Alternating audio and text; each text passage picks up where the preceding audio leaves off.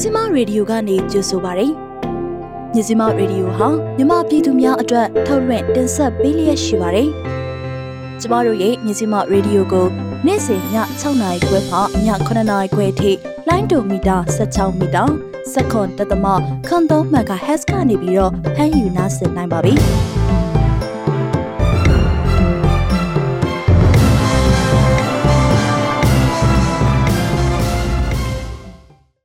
မင်္ဂလာပါရှင်မြန်မာနိုင်ငံသူနိုင်ငံသားတွေဘေးကင်းလုံခြုံပြီးစိတ်ချမ်းသာကိုကျန်းမာစွာဖြတ်တန်းနိုင်ကြပါစေလို့မြစည်းမရေဒီယိုဖွဲ့သူဖွဲ့သားတွေကဆုတောင်းမေတ္တာပို့လိုက်ရပါတယ်ဇန်နဝါရီလ23ရက်တနင်္ဂနွေနေ့ညမြစည်းမရေဒီယိုရဲ့သတင်းတွေကိုကျမဝေယမိုးမြင့်နဲ့မှုတို့ကနေတင်ဆက်ပေးသွားမှာပါဒီနေ့ညရဲ့သတင်းတွေထဲမှာပြူစောတိဖွဲ့ရဲ့စစ်တင်တန်းကို PDF ကဝင်တိုက်ခဲ့ပြီးတော့စစ်ကောင်စီတပ်သား2ဦးနဲ့ပြူစောတိ3ဦးသေဆုံးသွားတယ်ဆိုတဲ့သတင်း မြောင်အမျိုးသမီးပျောက်ကြားစစ်တီတော်အဖွဲ့ကထုတ်လုပ်ထားတဲ့မိုင်းနဲ့စစ်ကောင်စီတပ်ကိုမိုင်းစစ်စင်ရေးပြုလုပ်တဲ့တဲ့ဆင်းနှွှဲမြစ်ကြောင်းတိုင်းစံတက်လာတဲ့စစ်ရေးရင်အုပ်စုကို PDF ကတိုက်ခိုက်ခဲ့ရမှာစစ်ကောင်စီရဲ့ရင်တစည်းမီးလောင်ပြီးတော့ထိခိုက်မှုများနိုင်တယ်လို့ဆိုရတဲ့နိုင်ငံတကာသတင်းတွေကတော့ပါကစ္စတန်အာဖဂန်နစ္စတန်နယ်စပ်တလျှောက်တပ်ဖွဲ့ဝင်တွေကိုချထားမယ်လို့တာလီဘန်တွေကပြောကြားလိုက်တဲ့အကြောင်းတရုတ်ပြည်မှာကြီးမှာမွေးဖွားပြီးတော့ ဟောင်ကောင်မှာနေထိုင်ခွင့်လာရောက်လျှောက်ထားသူတွေကိုထိုင်ဝမ်ကနေညှင်းပယ်ထားတဲ့အကြောင်းစတဲ့သတင်းတွေကိုတင်ဆက်ပေးသွားမှာပါ။ပြည်တွင်းသတင်းတွေနိုင်ငံတကာသတင်းတွေအပြင်အပတ်စဉ်တင်ဆက်ပေးနေတဲ့ຫນွေဦးသူရဲကောင်းများအစီအစဉ်နဲ့ BNI အစီအစဉ်တွေကိုလည်းနားဆင်ကြရဖို့ရှိပါတယ်ရှင်။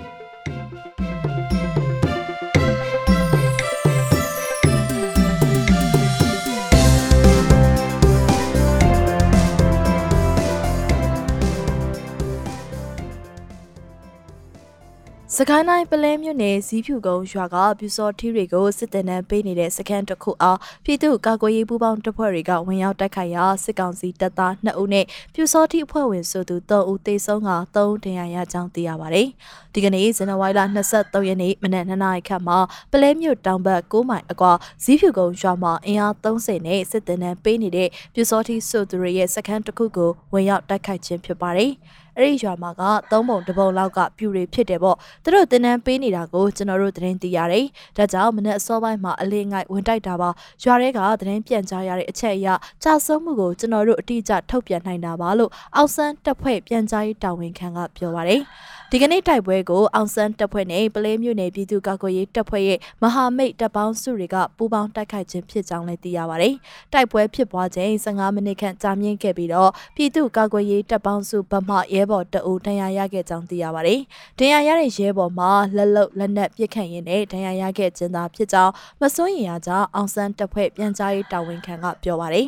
။မြောင်မျိုးသမီးပျောက်ကြားစစ်တီတော်များအဖွဲ့ M2W ကတီထွင်ထုတ်လုပ်ထားတဲ့ လက်လုံမိုင်းတွေနဲ့ညောင်မြို့နယ်မဲမတော်ကျေးရွာကိုစစ်ကြောင်းထိုးလာတဲ့စစ်ကောင်စီတပ်ဖွဲ့ဝင်တွေကိုမိုင်းဆွဲတိုက်ခိုက်ခဲ့ရမှာစစ်ကောင်စီဘက်က၄ဦးသေဆုံးသွားတယ်လို့ M2W ဖွဲ့ထံကနေသိရပါဗျ။ဇန်နဝါရီလ22ရက်နေ့နေ့လယ်ခင်းတနာရီ55မိနစ်အချိန်လောက်မှာမဲမတော်ကျေးရွာကနေရတစ်ကျေးရွာကိုဥတီချီတက်လာခဲ့တဲ့စစ်ကောင်စီတပ်သားတွေကို M2W အဖွဲ့ကမိုင်းစစ်စင်ရေးပြုလုပ်ခဲ့ကြတာပါ။မဲမတော်ကျေးရွာအတွင်းကို မနက်ပိုင်းမှာတပ်ဖြတ်ဝင်ရောက်စီးနင်းခဲ့တဲ့အဆိုပါစစ်ကောင်စီတပ်အင်အား60ဝန်းကျင်ဟာမဲမတော်ကျေးရွာမှာရှိတဲ့အစာအုပ်နှစ်ခုကိုလည်းဖျက်ဆီးခဲ့တယ်လို့သိရပါဗျ။အဲဒါကြောင့်မြောင်မြို့နယ်ပြည်သူ့ကာကွယ်ရေးနဲ့လုံခြုံရေးတပ်ဖွဲ့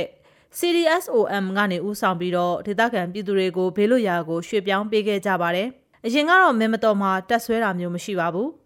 မနေ့တုန်းကတော့ဒလန်ကြောင့်ဖြစ်ပါလိမ့်မယ်ဒလန်လန်းကြောင့်ပေးတာကြောင့်မဲမတော်ရွာအထိဆိုက်ဆိုက်မြိုင်မြိုင်ရောက်လာပြီးတော့အစာအုပ်နှစ်ခုကိုဖျက်ဆီးသွားတယ်ဆိုတာကလည်းဒလန်လန်းကြောင့်ပေးမှုလို့ယူဆရပါတယ်လို့ M2W ဖွဲ့ကပြောပါတယ် M2W ဖွဲ့ဟာမြောင်မြို့နယ်မှာရှိတဲ့ဒေသကာကွယ်ရေးတပ်ဖွဲ့အများစုအတွက်လိုအပ်တဲ့မိုင်းတွေကိုထုတ်လုပ်ပေးတာအဓိကတာဝန်ယူနေတာပါလက်ရှိမှာစစ်ကောင်စီတပ်ဖွဲ့ဝင်တွေက မြိုင်မြို့နယ်ချောင်းစင်းကျေးရွာမှာဇန်နဝါရီလ23ရက်နေ့ဒီနေ့မနက်8နာရီအချိန်ကစပြီးတော့ကျေးရွာအတွင်းမိရှို့ဖျက်ဆီးမှုတွေလုပ်နေတယ်လို့သိရပြီးအသေးစိတ်အချက်လက်တွေကိုတော့စုံစမ်းနေဆဲဖြစ်ပါတယ်ရှင်။ချင်းတွင်းမြစ်ကြောင်းအတိုင်းဆန်တက်လာတဲ့စီရင်အုပ်စုကို PDF ကတိုက်ခိုက်ခဲ့ရမှာစစ်ကောင်စီရဲ့ရင်တစည်းမီးလောင်ပြီးတော့ထိခိုက်မှုများနိုင်တယ်ဆိုတဲ့သတင်းကိုဆက်လက်နားဆင်ရမှာပါရှင်။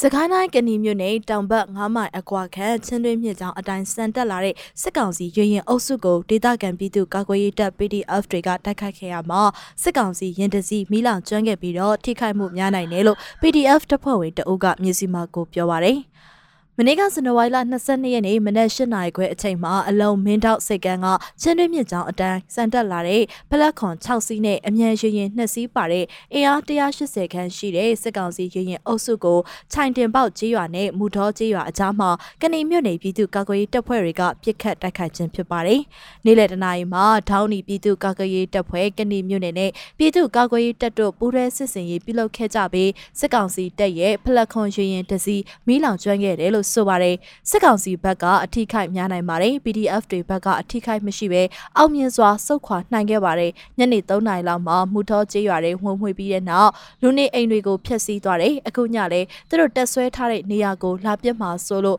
လက်နက်ကြီးတွေနဲ့ရမ်းပစ်တာမျိုးတွေရှိနေတယ်လို့ PDF တပ်ဖွဲ့ဝင်တအုပ်ကဆိုပါတယ်အကြမ်းဖက်စစ်ကောင်စီရဲ့စစ်ရင်ရင်အုပ်စုဟာချင်းတွင်းမြစ်ကန်တလျှောက်မှာရှိတဲ့ကျေးရွာတွေကိုလက်နက်ကြီးလက်နက်ငယ်တွေနဲ့ပစ်ခတ်မှုတွေရှိခဲ့ပြီးတော့ကဏီမြို့နယ်မူထောအရှိရွာအရောက်မှာကန်ကက်ရနာကဒေသခံတငါသည်တွေရဲ့နေအိမ်လေးလုံးကိုမိရှို့ဖျက်ဆီးခဲ့ကြောင်းသိရပါတယ်။အဆိုပါတိုက်ပွဲကြောင့်ကဏီမြို့နယ်ချင်းတွင်းမြစ်ကန်တလျှောက်ကျေးရွာတွေဖြစ်တဲ့မူတော်ရွာနဲ့ငါးဖြက်ရွာတို့မှစစ်ပေးဆောင်ပြည်သူ900ကျော်ဘေးလွတ်ရာကိုထွက်ပြေးတိမ်းရှောင်နေကြရပါတယ်။ချင်းတွင်းမြစ်ကြောင့်မူတော်အရှိရွာအောက်ဖက်မှာစစ်ကောင်စီရဲ့ဖလက်ခွန်တစီတောင်တင်နေပြီးတော့မူတော်အနောက်ရွာမှာတပ်သားအချို့တက်ဆွဲခါညပိုင်းအချိန်ထိလက်နက်ကြီးလက်နက်ငယ်တွေနဲ့ပစ်ခတ်နေကြောင်းသိရပါတယ်။ စကိုင်းတိုင်းကဏီမြို့နယ်ချင်းတွင်းမြစ်ကမ်းနဘေးမှာရှိတဲ့နှက်ကြီးကျေးရွာကိုစစ်ကောင်စီတပ်ဖွဲ့ဝင်တွေကမိရှို့နေတယ်လို့ဒေသခံတွေကမြစည်းမကိုဒီနေ့မွန်းလွဲပိုင်းမှာသတင်းပေးပို့လာခဲ့ပါတယ်။ဇန်နဝါရီလ23ရက်နေ့ဒီနေ့နေ့လယ်မှာမူရောကျေးရွာကနေစတင်ထွက်ခွာလာပြီးတော့မူရောကျေးရွာတစ်ဖက်ကမ်းမှာရှိတဲ့နှက်ကြီးကျေးရွာကိုမိရှို့နေကြတာပါ။ စစ်ကောင်စီတပ်ဖွဲ့တွေလာတော့ကျွန်တော်တို့အိမ်ထဲကနေမထွက်သေးဘူးဗျနောက်ပိုင်းဒီကောင်တွေလက်နက်ကြီးလက်နက်ငယ်တွေနဲ့တအားထုတော့ပြီးတော့အော်ပြီးဆွဲပြီးကမ်းနားကအိမ်တွေကိုစပြီးမိရှို့ကြတာပါအခုထိမိမိငိမ့်နိုင်သေးပါဘူးဘယ်သူမှလည်းမလုပ်ရဲဘူးဖြစ်နေတယ်လို့ဒေသခံတအူးကဆိုပါတယ်မနေ့ကလည်းကဏီမြို့နယ်မူရောကျေးရွာမှာရှိတဲ့ပြည်သူပိုင်းနေဆယ်လုံးလောက်ကိုလည်းမိရှို့ဖျက်ဆီးခဲ့ပြီးတော့ဒေသခံတအူးဖြစ်တဲ့အသက်30အရွယ်ကိုအောင်သူဟိန်းကိုလည်းတပ်ဖြတ်သွားခဲ့တယ်လို့ဆိုပါတယ် တနင်္သာရီတိုင်းထဝဲမြို့မှာအကြံဖက်စစ်ကောင်စီတပ်ဖွဲ့ကမနေ့ကညပိုင်းမှာပြည်သူ၈ဦးကိုအင်အားသုံးဝင်ရောက်ဖမ်းခဲ့ကြောင်းမြို့ကန်တွေထံကနေသိရပါတယ်။လက်ရှိမှာစစ်ကောင်စီတပ်ဖွဲ့ရဲ့အင်အားသုံးဖမ်းဆီးခြင်းခံရတဲ့အမျိုးသား၈ဦးဟာဇန်နဝါရီလ22ရက်နေ့ည9:00နာရီအချိန်မှာထဝဲမြို့ပေါ်မှာရှိတဲ့အောက်တရန်ရက်ကွက်တော်ဝင်လမ်းသွယ်မှာနေထိုင်တဲ့အခန်းတွဲပိုင်ရှင်နဲ့အခန်းကားနေထိုင်သူတွေဖြစ်တယ်လို့ဒေသခံတအုပ်ကပြောပါတယ်။ထဝဲမြို့ကန်တအုပ်ကဖမ်းခံလိုက်ရတဲ့အမျိုးသား၈ဦးကိုဘာကြောင့်လာဖမ်းနေဆိုတာမသိပါဘူး။ဖမ်းဆီးချိန်မှာစစ်ကောင်စီတပ်ဖွဲ့ကလက်နက်တွေနဲ့အင်အား30ကျော်နဲ့အင်စီကာ3စီးနဲ့လာဖမ်းသွားတာပါလို့ပြောပါတယ်။ဖမ်းဆီးခံရသူတွေဟာထဝယ်မြို့မှာတံပန်းလုပ်ငန်းလုပ်ကိုင်သူတွေဖြစ်ကြောင်း၎င်းတို့မှာအဖွဲ့လိုက်စုရေးနေထိုင်ကြခြင်းဖြစ်ကြောင်းအသက်အရွယ်နဲ့မြစ်သည့်အရွယ်တွေဖြစ်တယ်ကိုတော့အတိအကျမသိရှိရကြောင်းစစ်ကောင်စီတပ်ဖွဲ့ကမြစ်သည့်အကြောင်းပြချက်နဲ့လာရောက်ဖမ်းဆီးတာကိုမသိရသေးကြောင်းမြို့ကန်တွေရဲ့ပြောပြချက်အရသိရပါတယ်။ဆက်လက်ပြီး စစ်တပ်လရင်စီတည်ယူရေးကူညီရန်သဘောတူထားဆိုတဲ့တဲ့ RCSS ညွှန်ဆိုတဲ့တဲ့ကိုတင်ဆက်ပေးသွားမှာပါ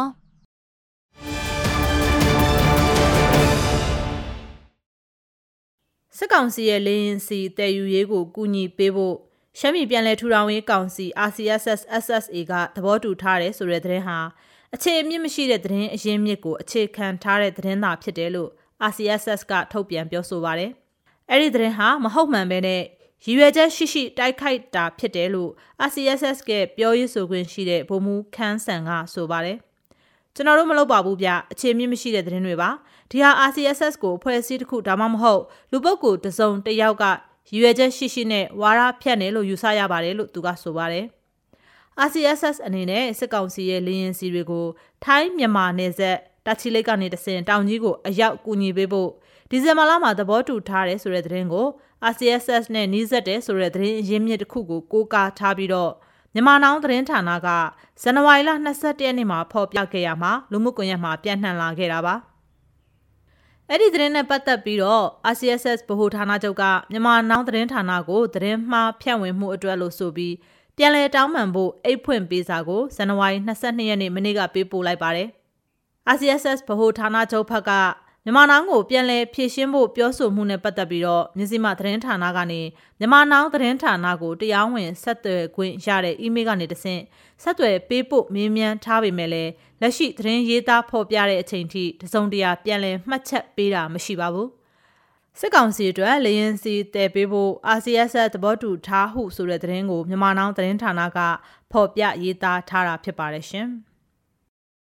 စီပေါင်းစာကားလေးစီးပါဝင်တဲ့စစ်ကောင်စီအဖွဲ့ရှင်နှန်းကိုဒီကနေ့ဇန်နဝါရီလ23ရက်နေ့နေ့လယ်ပိုင်းမှာဒဝဲရန်ကုန်ပြည်တော်စုလမ်းမကြီးပေါ်မှာမိုင်းဆွဲတိုက်ခိုက်ခံရမှုဖြစ်ပွားခဲ့ကြောင်းဒေသခံတွေထံကနေသိရပါတယ်။ဗိတ်ဒဝဲဘက်ကိုဦးတီမောင်းနေမယ်လို့ယူဆရတဲ့စီပေါင်းစာကားဟာစစ်အယောင်ဖြစ်ပြီးတော့အဲ့ဒီကားမှာမီးလောင်လွယ်တယ်လို့စာရန်ပါရှိကအဆိုပါရှင်နှန်းနဲ့အတူစစ်ကားငယ်တစ်စီးနဲ့စစ်ကားအကြီးနှစ်စီးစုစုပေါင်း9စီးဟာကလိန်အောင်ကိုဖျက်ပြီးတော့မောင်းနှင်လာကြောင်းဒေသခံတွေရဲ့ပြောဆိုချက်အရသိရပါတယ်။ကလုံထာရွာဒေသခံတို့ကစီပေါစီကားစစ်ကောင်စီရင်နှန်းကိုဒီကနေ့နေ့လယ်ပိုင်းမှာ၄ချိန်တက်မနေတိုက်ခိုက်ခံရပါတယ်အပြန်အလှန်ပစ်ခတ်မှုတွေဖြစ်ပွားခဲ့လို့ပောက်ကွဲပျက်စီးမှုတွေရှိလားဆိုတော့တိတိကျကျမသိရသေးဘူးလို့ပြောပါတယ်ဒါ့ပြင်စီပေါင်းစားများတင်ဆောင်လာတဲ့စစ်ကောင်စီအဖွဲ့ရှင်နှန်းဟာလမ်းမိုက်မှာဖြတ်တန်းရွာစဉ်တလျှောက်မှာတနက်နေ့လမ်းပင်ညာကိုစစ်ကားပေါ်ကနေရန်တမ်းပစ်ခတ်သွားတာကြောင့် တက်ကဲကွက်ရွာအနီးမှာနှစ်ဖက်အပြန်အလှန်ပစ်ခတ်မှုဖြစ်ပွားသေးကြောင်းအဲ့ဒီကြေးရွာမှာနေတဲ့ဒေသခံတို့ကပြောပါတယ်လက်ရှိလမ်းမိုက်မှာတိုက်ခိုက်ခံရမှုကြောင့်စီပေါင်းစာပါတဲ့စစ်ကောင်စီအဖွဲ့ရှင်နှန်းဟာရေဖြူမြို့15မိုင်နဲ့20မိုင်ကြားမှာရှိတဲ့406မြင်းဆောင်400ခွန်တက်တို့မှာခိတရထားပြီးတော့အရီကားနဲ့ပတ်သက်ပြီးဒေသခံတချို့ကလေတက်စခန်းရှိရာဖိမြို့ကိုလေရင်စီတက်ယူတာဖြစ်နိုင်ခြေရှိကြောင်းဒေသခံတွေကပြောဆိုပါတယ် ကျမတို့ရဲ့မြစီမရေဒီယိုကိုနေ့စဉ်ညနေ6နာရီခွဲမှ9နာရီခွဲအထိတိုင်းတူမီတာ16မီတာ17တက်သမခွန်3 MHz ကနေပြီးဖမ်းယူနိုင်စင်နိုင်ပါပြီ။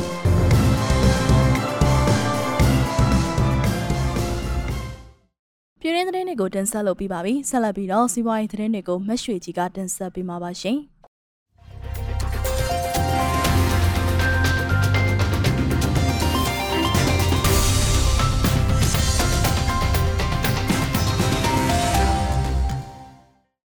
အာနာသိန်းစစ်တပ်ကိုဒေါ်လာတန်းနဲ့ချီရှာဖွေပေးနေတဲ့မြန်မာနိုင်ငံရဲ့တဘာဝဓာတ်ငွေလုပ်ငန်းမှာအဓိကစီးပွားဘက်တွေဖြစ်တဲ့ပြင်သစ်စွမ်းအင်ကုမ္ပဏီ Total Energy နဲ့ American စွမ်းအင်ကုမ္ပဏီ Chevron တို့ဟာမြန်မာနိုင်ငံကနေထွက်ခွာဖို့ဆုံးဖြတ်လိုက်ကြောင်းတရားဝင်ထုတ်ပြန်ကြေညာလိုက်ပါတယ်။နမည်ကြီးပြင်သစ်စွမ်းအင်ကုမ္ပဏီ Total Energy TTE က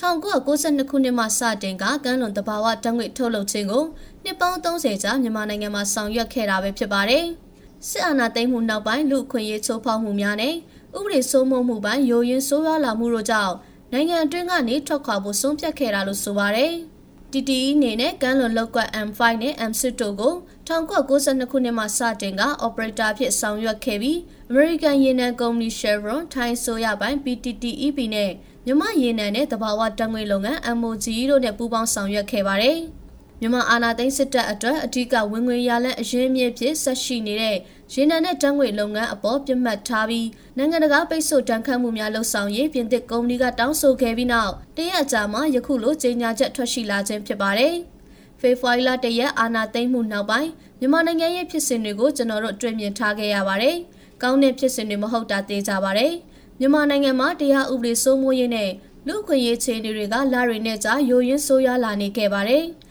CDN လှုပ်ရှားမှုတွေရှိနေပေမဲ့အာနာသိစစ်အုပ်စုကအာနာကိုဖတ်တွယ်ထားတော့မယ်ကျွန်တော်တို့ရဲ့အကဲဖြတ်ချက်အရဒါကရေရှည်အတွက်မကောင်းပါဘူးလို့တိုတယ်ကပြောပါတယ်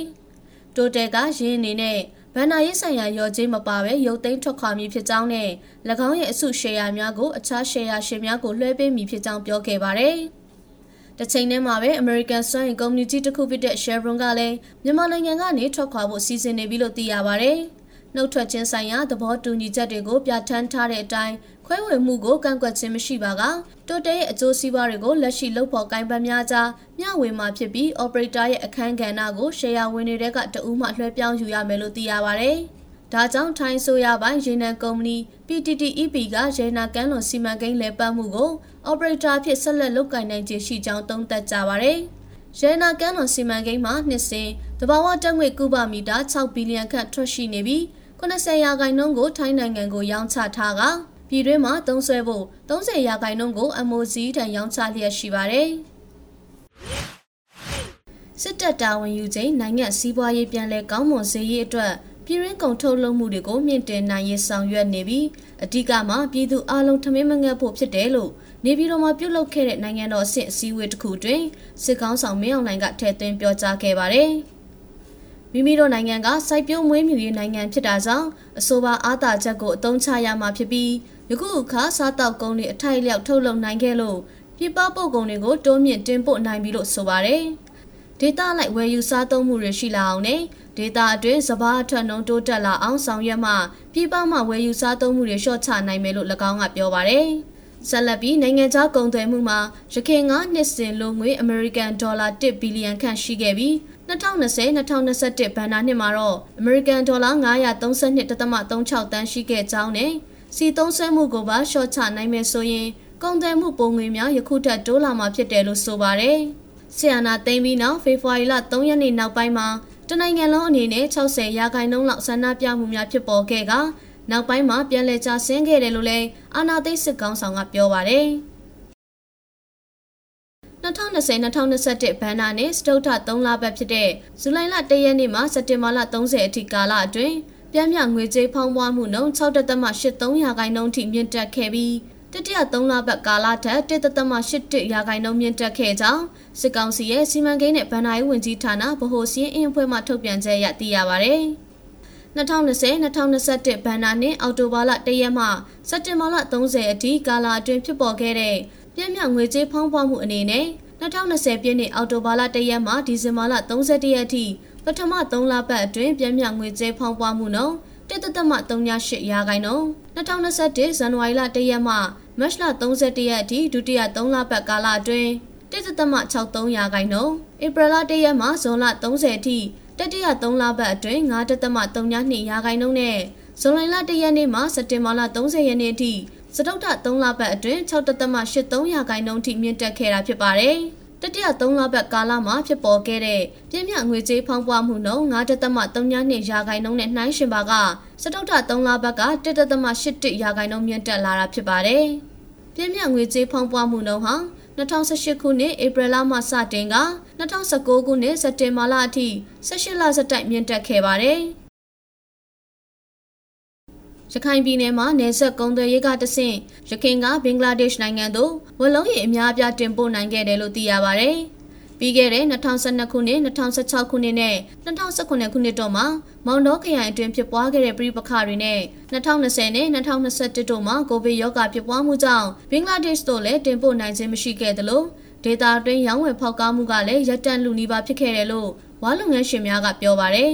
လက်ရှိမှာပြီးခဲ့တဲ့2021ခုနှစ်ဒီဇင်ဘာလမှစတင်ကဘင်္ဂလားဒေ့ရှ်နိုင်ငံသို့နေဆက်ကုန်သွယ်ရေးမှတဆင်ဝါလုံးရေ4000ခန့်သာစတင်တင်ပို့နိုင်ခဲ့တယ်လို့ဘူးတီတောင်မြို့ပေါ်မှာဝါဒနိလုပ်ငန်းရှင်များအသင်းမှသိရပါဗျ။ရခိုင်မှာရခင်က12တောင်ဝါအလုံး100ကိုကျပ်3000ကျော်ရှိခဲ့ရမှာလက်ရှိမှာ2000ကျော်နဲ့10တောင်ဝါအလုံး100ကိုရခင်က2000ကျော်ရှိခဲ့ရမှာလက်ရှိမှာတော့1000ကျော်သာရှိတယ်လို့ဝါလုပ်ငန်းရှင်များကပြောပါတယ်။လက်ရှိမောင်တော်မြို့နယ်မြောက်ပိုင်းမှာ 2022ခုနှစ်မတ်လ31ရက်မီနီဘတ်ဂျက်အထိဝါလုံးရေ6သိန်းထုတ်လုပ်ခွင့်ကိုယ်စားလှယ်ပေးထားပြီးအဲ့ဒီဝါတွေကိုအခွန်ဆောင်ပြီးဘင်္ဂလားဒေ့ရှ်နိုင်ငံအထိတင်ပို့နိုင်ကြောင်းမောင်နှမြို့နယ်တတော်ဦးစီးဌာနကသိရပါဗျ။ရခိုင်မှာဝါများပြထွက်ရှိရာဒေသတွေကတော့ဘူးသီးတောင်မြို့နယ်စိုင်းတင်ဒေသမြောက်ဦးမြို့နယ်လေးမြို့ချောင်းဒေသနဲ့အမ်းမြို့နယ်ဒလက်ချောင်းနဲ့အမ်းချောင်းဒေသတို့ဖြစ်ပါတယ်။ ရခိုင်မှဘင်္ဂလားဒေ့ရှ်နိုင်ငံသို့2018-2019ဘဏ္ဍာနှစ်မှာဝါတန်ချိန်1188တန်အမေရိကန်ဒေါ်လာ9400တန်ဖိုးအထိတင်ပို့နိုင်ခဲ့ပြီး2019-2020ဘဏ္ဍာနှစ်ကလည်းဝါတန်ချိန်982တန်ခန့်အမေရိကန်ဒေါ်လာ4500ခန့်တန်ဖိုးအထိတင်ပို့နိုင်ခဲ့တယ်လို့နေဆက်ကုန်သွယ်ရေးကိန်းဂဏန်းတွေရသိရပါဗျ။တရုတ်နိုင်ငံရဲ့နေကြားဂိတ်တွေမှာ COVID-19 ထိန်းချုပ်မှုတွေကြောင့် အရှိတောင်အာရှပို့ကုန်စီးပွားရေးတွေထိခိုက်ပြပြနေတယ်လို့သိရပါဗျ။ပုံမတင်းကျပ်လာတဲ့အကောက်ခွန်လုပ်ငန်းရှင်းလင်းရေးလှုပ်ထုံးလုပ်နည်းများကြောင့်နှောင့်နှေးကြန့်ကြာနေပြီးကုန်စည်များပုတ်သိုးပစ္စည်းကုန်တဲ့အတွက်ကုန်တင်ကားတွေဟာပုတ်သိုးကုန်ပစ္စည်းတွေကိုကားလမ်းဘေးမှာစွန့်ပစ်ရတဲ့အခြေအနေသို့ဆိုက်ရောက်နေပါတယ်။ပို့ကုန်တွေထဲမှာပုတ်သိုးပစ္စည်းတွေတဲ့စိုက်ပျိုးရေးထုတ်ကုန်တွေကအများဆုံးအထိနာကြရပါတယ်။အခုလိုတရုတ်ရဲ့နေကြားဂိတ်ပိတ်ဆို့မှုကြောင့်ဗီယက်နမ်နိုင်ငံပေါ်တက်ရောက်မှုတွေလည်းကြီးမားနေပါတယ်။ 2017ပထမ17လအတွင်းဗီယက်နမ်နိုင်ငံမှတရုတ်နိုင်ငံသို့စိုက်ပျိုးထုတ်ကုန်အမေရိကန်ဒေါ်လာ17.3ဘီလီယံဘို့တင်ပို့ခဲ့ပါတယ်။2021ခုနှစ်ဒီဇင်ဘာလနှောင်းပိုင်းမှာဗဗီယက်နမ်မှတင်ပို့တဲ့ငကမောက်သီးတွေကိုလေးဘက်ပိတ်ပင်ထားခဲ့ပါတယ်။တရုတ်နိုင်ငံရှန်စီပြည်နယ်မှကျန်းမာရေးအာဏာပိုင်တွေကဗီယက်နမ်ကတင်ပို့တဲ့ငကမောက်သီးတွေပေါ်မှာ COVID-19 virus ပိုးတွေ့ရှိခဲ့တယ်လို့ဆိုကနှစ်နိုင်ငံချစ်ကြည်ရေးတရားမှာထရက်ကားများဝင်ရောက်ခွင့်ကိုရပ်ဆိုင်းထားလိုက်တာဖြစ်ပါတယ်။တ ရုတ်နယ်စပ်မှာဆောင်းဆိုင်နေတဲ့ထရက်ကား3000ဝန်းကျင်ရှိပြီး1900ဝန်းကျင်ကငကမောက်သီးပိန်ရွယ်သီးတရက်သီးဖျဲသီးကားတွေပဲဖြစ်ပါတယ်။ Zero COVID မူအရ virus ကာကွယ်ရေးဆောင်ရွက်နေတဲ့အတွက်နေကြားဂိတ်များပိတ်ထားခြင်းတည်တည်တင်ပို့မှုရပ်ထားခြင်းစတဲ့ဆောင်ရွက်ချက်တွေဟာလိုအပ်တာထက်ပိုနေတယ်လို့ဗီယက်နမ်ကုန်သွယ်ရေးဝန်ကြီးဌာနကဇန်နဝါရီလ2ရက်နေ့မှာထုတ်ပြန်ကြေညာခဲ့ပါတယ်။အခုလိုပြတ်တောက်မှုကနှစ်နိုင်ငံကုန်သွယ်မှုအပေါ်အပြတ်သဘောဆောင်တဲ့အကျိုးသက်ရောက်မှုတွေဖြစ်စေပြီး နှစ်ဖက်စလုံးမှာစီးပွားရေးလုပ်ငန်းတွေနဲ့လူများဟာကြီးမားတဲ့ဆုံးရှုံးမှုတွေဖြစ်စေတယ်လို့လည်းကြေညာချက်မှာဖော်ပြထားပါတယ်။ပြည်ပသို့ထွက်မရဖြစ်နေတာကြောင့်ပိုရှန်နာတွေကိုပြည်တွင်းမှာအယောင်မြင့်တင်ရေးလှုပ်ဆောင်ပြဖို့ရာသမားတွေကိုဗီယက်နမ်အစိုးရကအကြံပြုတိုက်တွန်းထားပါတယ်။အလားတူဖြစ်ရမျိုးကိုတရုတ်မြန်မာနယ်စပ်မှာလည်းကြုံတွေ့နေရပါတယ်။နယ်စပ်ဂိတ်တွေထိန်းချုပ်ထားလို့ပုတ်သွန်းလွယ်တဲ့စိုက်ပျိုးထုတ်ကုန်တွေရောင်းမရဖြစ်နေတဲ့အခြေအနေဆိုက်ရောက်ကုန်ပြီးစွန့်ပစ်နေကြတဲ့အခြေအနေတွေလည်းဖြစ်နေတာပါ။ နိုဝင်ဘာလကုန်ပိုင်းမှာတရုတ်ကရွှေလီမှအထက်ကလမ်းကြောင်းဖြစ်တဲ့ဝန်တိန်နယ်စပ်ဂိတ်ကို COVID-19 ကာကွယ်ရေးအတွက်9လကြာပိတ်ထားခဲ့ပြီးနောက်ပြန်လည်ဖွင့်လှစ်ခဲ့ပါတယ်။ဒါပေမဲ့တင်းကျပ်ပြီးလက်တွေ့မကျတဲ့စီးကမ်းတွေကြောင့်ပုံမှန်ပြန်မဖြစ်တော့ပဲထရက်ကားအများပြားဟာဖျဲသီးတွေကိုစွန့်ပစ်ခဲ့ကြရပါတယ်။လာအိုတရုတ်နယ်စပ်ပေါ်တန်ဂိတ်မှာလည်းစောင့်ဆိုင်နေကြရတဲ့နောက်တွဲထရက်ကားတန်းဟာအလျား15ကီလိုမီတာဝန်းကျင်ရှည်တယ်လို့သိရပါတယ်။ အိန္ဒိချင်းအရှေ့တောင်အာရှနိုင်ငံများမှာစိုက်ပျိုးထုတ်လုပ်သူတွေကတရုတ်ပြည်တွင်းဈေးကွက်ရဲ့ဝယ်လိုအားပေါ်တည်မီထားကြတာဖြစ်ပါတယ်။ COVID-19 ကြောင့်အဟံတားတွေဖြစ်ပေါ်နေပေမဲ့2021ခုနှစ်ပထမ17လအတွင်းဗီယက်နမ်နိုင်ငံမှာတရုတ်နိုင်ငံသို့တင်ပို့တဲ့စိုက်ပျိုးထုတ်ကုန်တန်ဖိုးပမာဏက2020ခုနှစ်ပထမ17လအတွင်းတင်ပို့ခဲ့တာထက်17ရာခိုင်နှုန်းပိုများခဲ့ပါတယ်။ရန်ကုန်မှာတစ်တီးကုန်တဲ့တဦးကတော့မြန်မာမှတရုတ်သို့တစ်တီးတင်ပို့တာဟာတရုတ်ဘက်မှဈေးပိုမြင့်တာကြောင့်ဖြစ်တယ်လို့ဆိုပါတယ်။ တရုတ်ဆိုရအနေနဲ့0ကိုဗစ်မဟာဗျူဟာကိုဆက်လက်ကျင့်သုံးမှာဖြစ်ပြီးတရုတ်နဲ့ကုန်သွယ်ရေးမှာဆုံးရှုံးမဲ့အရေးကလည်းဖြစ်နေကြပုံမှန်ဖြစ်ရများဖြစ်ဆက်ရှိနေအောင်မှာပဲဖြစ်ပါတယ်။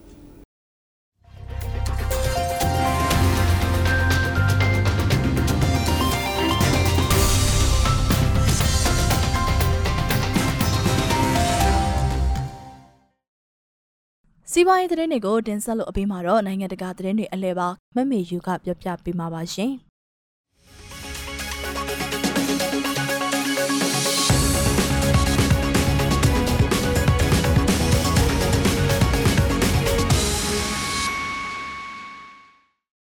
မင်္ဂလာပါရှင်ဒီကနေ့အတွက်ရရှိထားတဲ့နိုင်ငံတကာသတင်းတွေကိုစတင်လို့နားဆင်ရပါတော့မယ်တရုတ်ကျွေးမီထောင်ကြောက်ကြောင်သီရိလင်္ကာနိုင်ငံရဲ့နိုင်ငံခြားငွေအကျက်အတဲပို့ပြီးတော့ဆိုးရွားလာတဲ့သတင်းကို ဦးဆုံးနားဆင်ရမှာပါတရုတ်ကျွေးမီထောင်ကြောက်ကြောင်သီရိလင်္ကာရဲ့နိုင်ငံခြားငွေအကျက်တဲဟာပိုပြီးဆိုးရွားလာနေတယ်လို့သိရပါတယ်။သီရိလင်္ကာဟာလက်ရှိမှာဆိုးရွားတဲ့နိုင်ငံခြားငွေအကျက်တဲနဲ့ရင်ဆိုင်နေရတာဖြစ်ပြီးအမျက်မရပဲအရှုံးပေါ်နေတဲ့ဟန်ဘန်ဒိုတာစိတ်ကန်းအပါအဝင်စီမံကိန်းတွေအတွက်နိုင်ငံတကာအချုပ်ချာအာဏာပိုင်ငွေချေးစာချုပ်များ ISBA အကျွေးဒေါ်လာ8ဘီလီယံကျော်ကို2022ခုနှစ်မှာပေးဆက်ရန်ပြက်ကွက်မဲ့အန်ရီနဲ့ကြုံတွေ့နေရတယ်ဆိုပြီးစင်ကာပူပို့စ်ကနေပြီးတော့ပြောကြားခဲ့ပါတယ်။ အစောပိုင်းမှာအစိုးရဝန်ထမ်းတွေနဲ့ပင်စင်စားတွေအပါအဝင်လယ်သမားများရဲ့တောင်းဆိုချက်တွေနဲ့အများပြည်သူများအတွက်သီရိလင်္ကာအစိုးရဟာအမေရိကန်ဒေါ်လာ1.2ဘီလီယံတန်ဖိုးရှိတဲ့စီးပွားရေးတပ်သားရေးအစီအမံများဖော်ဆောင်ရန်အကြက်အတဲအဖိအားပေးခဲ့ပါတယ်။တစ်ချိန်တည်းမှာပဲသီရိလင်္ကာအစိုးရဟာရှင်းနေတဲ့အိန္ဒိယနိုင်ငံတွေကနေနိုင်ငံခြားငွေဗန်နာရေးထောက်ပံ့ပေးမှုဖြင့်ဖြစ်စေအကျွေးစနစ်နဲ့ဖြစ်စေလိုအပ်တဲ့ကုန်ပစ္စည်းတွေကိုတင်သွင်းခြင်းကိုနောက်ဆုံးနည်းအနေနဲ့ကျင့်သုံးနေရတာပါ။ နိုင်ငံတကာဖွံ့ဖြိုးတိုးတက်ရေးဘဏ်တွေမှအခြေခံအဆောက်အအုံစီမံကိန်းများဆိုင်ရာစီးပွားဖြစ်ချီးငွေတွေကိုပိုလန်မှသစ်စီမံကိန်းအတွက်ပုံမထုတ်ချီးခဲ့ခြင်းကသီရိလင်္ကာကိုငွေကြေးအကျပ်တဲပို့ပြီးတော့ဖြစ်ပေါ်စေခဲ့ပါတယ်။အစောပိုင်းကသီရိလင်္ကာရဲ့ကျွေးမိပုံစံကိုပိုင်းခြားစိတ်ပြတဲ့2021ခုနှစ်အောက်တိုဘာလအစည်းအဝေးခန်းစာမှာကုလသမဂ္ဂကုန်သွယ်ရေးနဲ့ဖွံ့ဖြိုးတိုးတက်ရေးညီလာခံ UNCTAD က နိုင်ငံရဲ့ကုန်ထုတ်လုပ်မှုနဲ့အခြေခံအဆောက်အုံအတွက်ရေရှည်ဗန်နာရေးမလုံလောက်မှုနဲ့ကြုံတွေ့နေရတယ်ဆိုပြီးဖော်ပြသွားတာပါ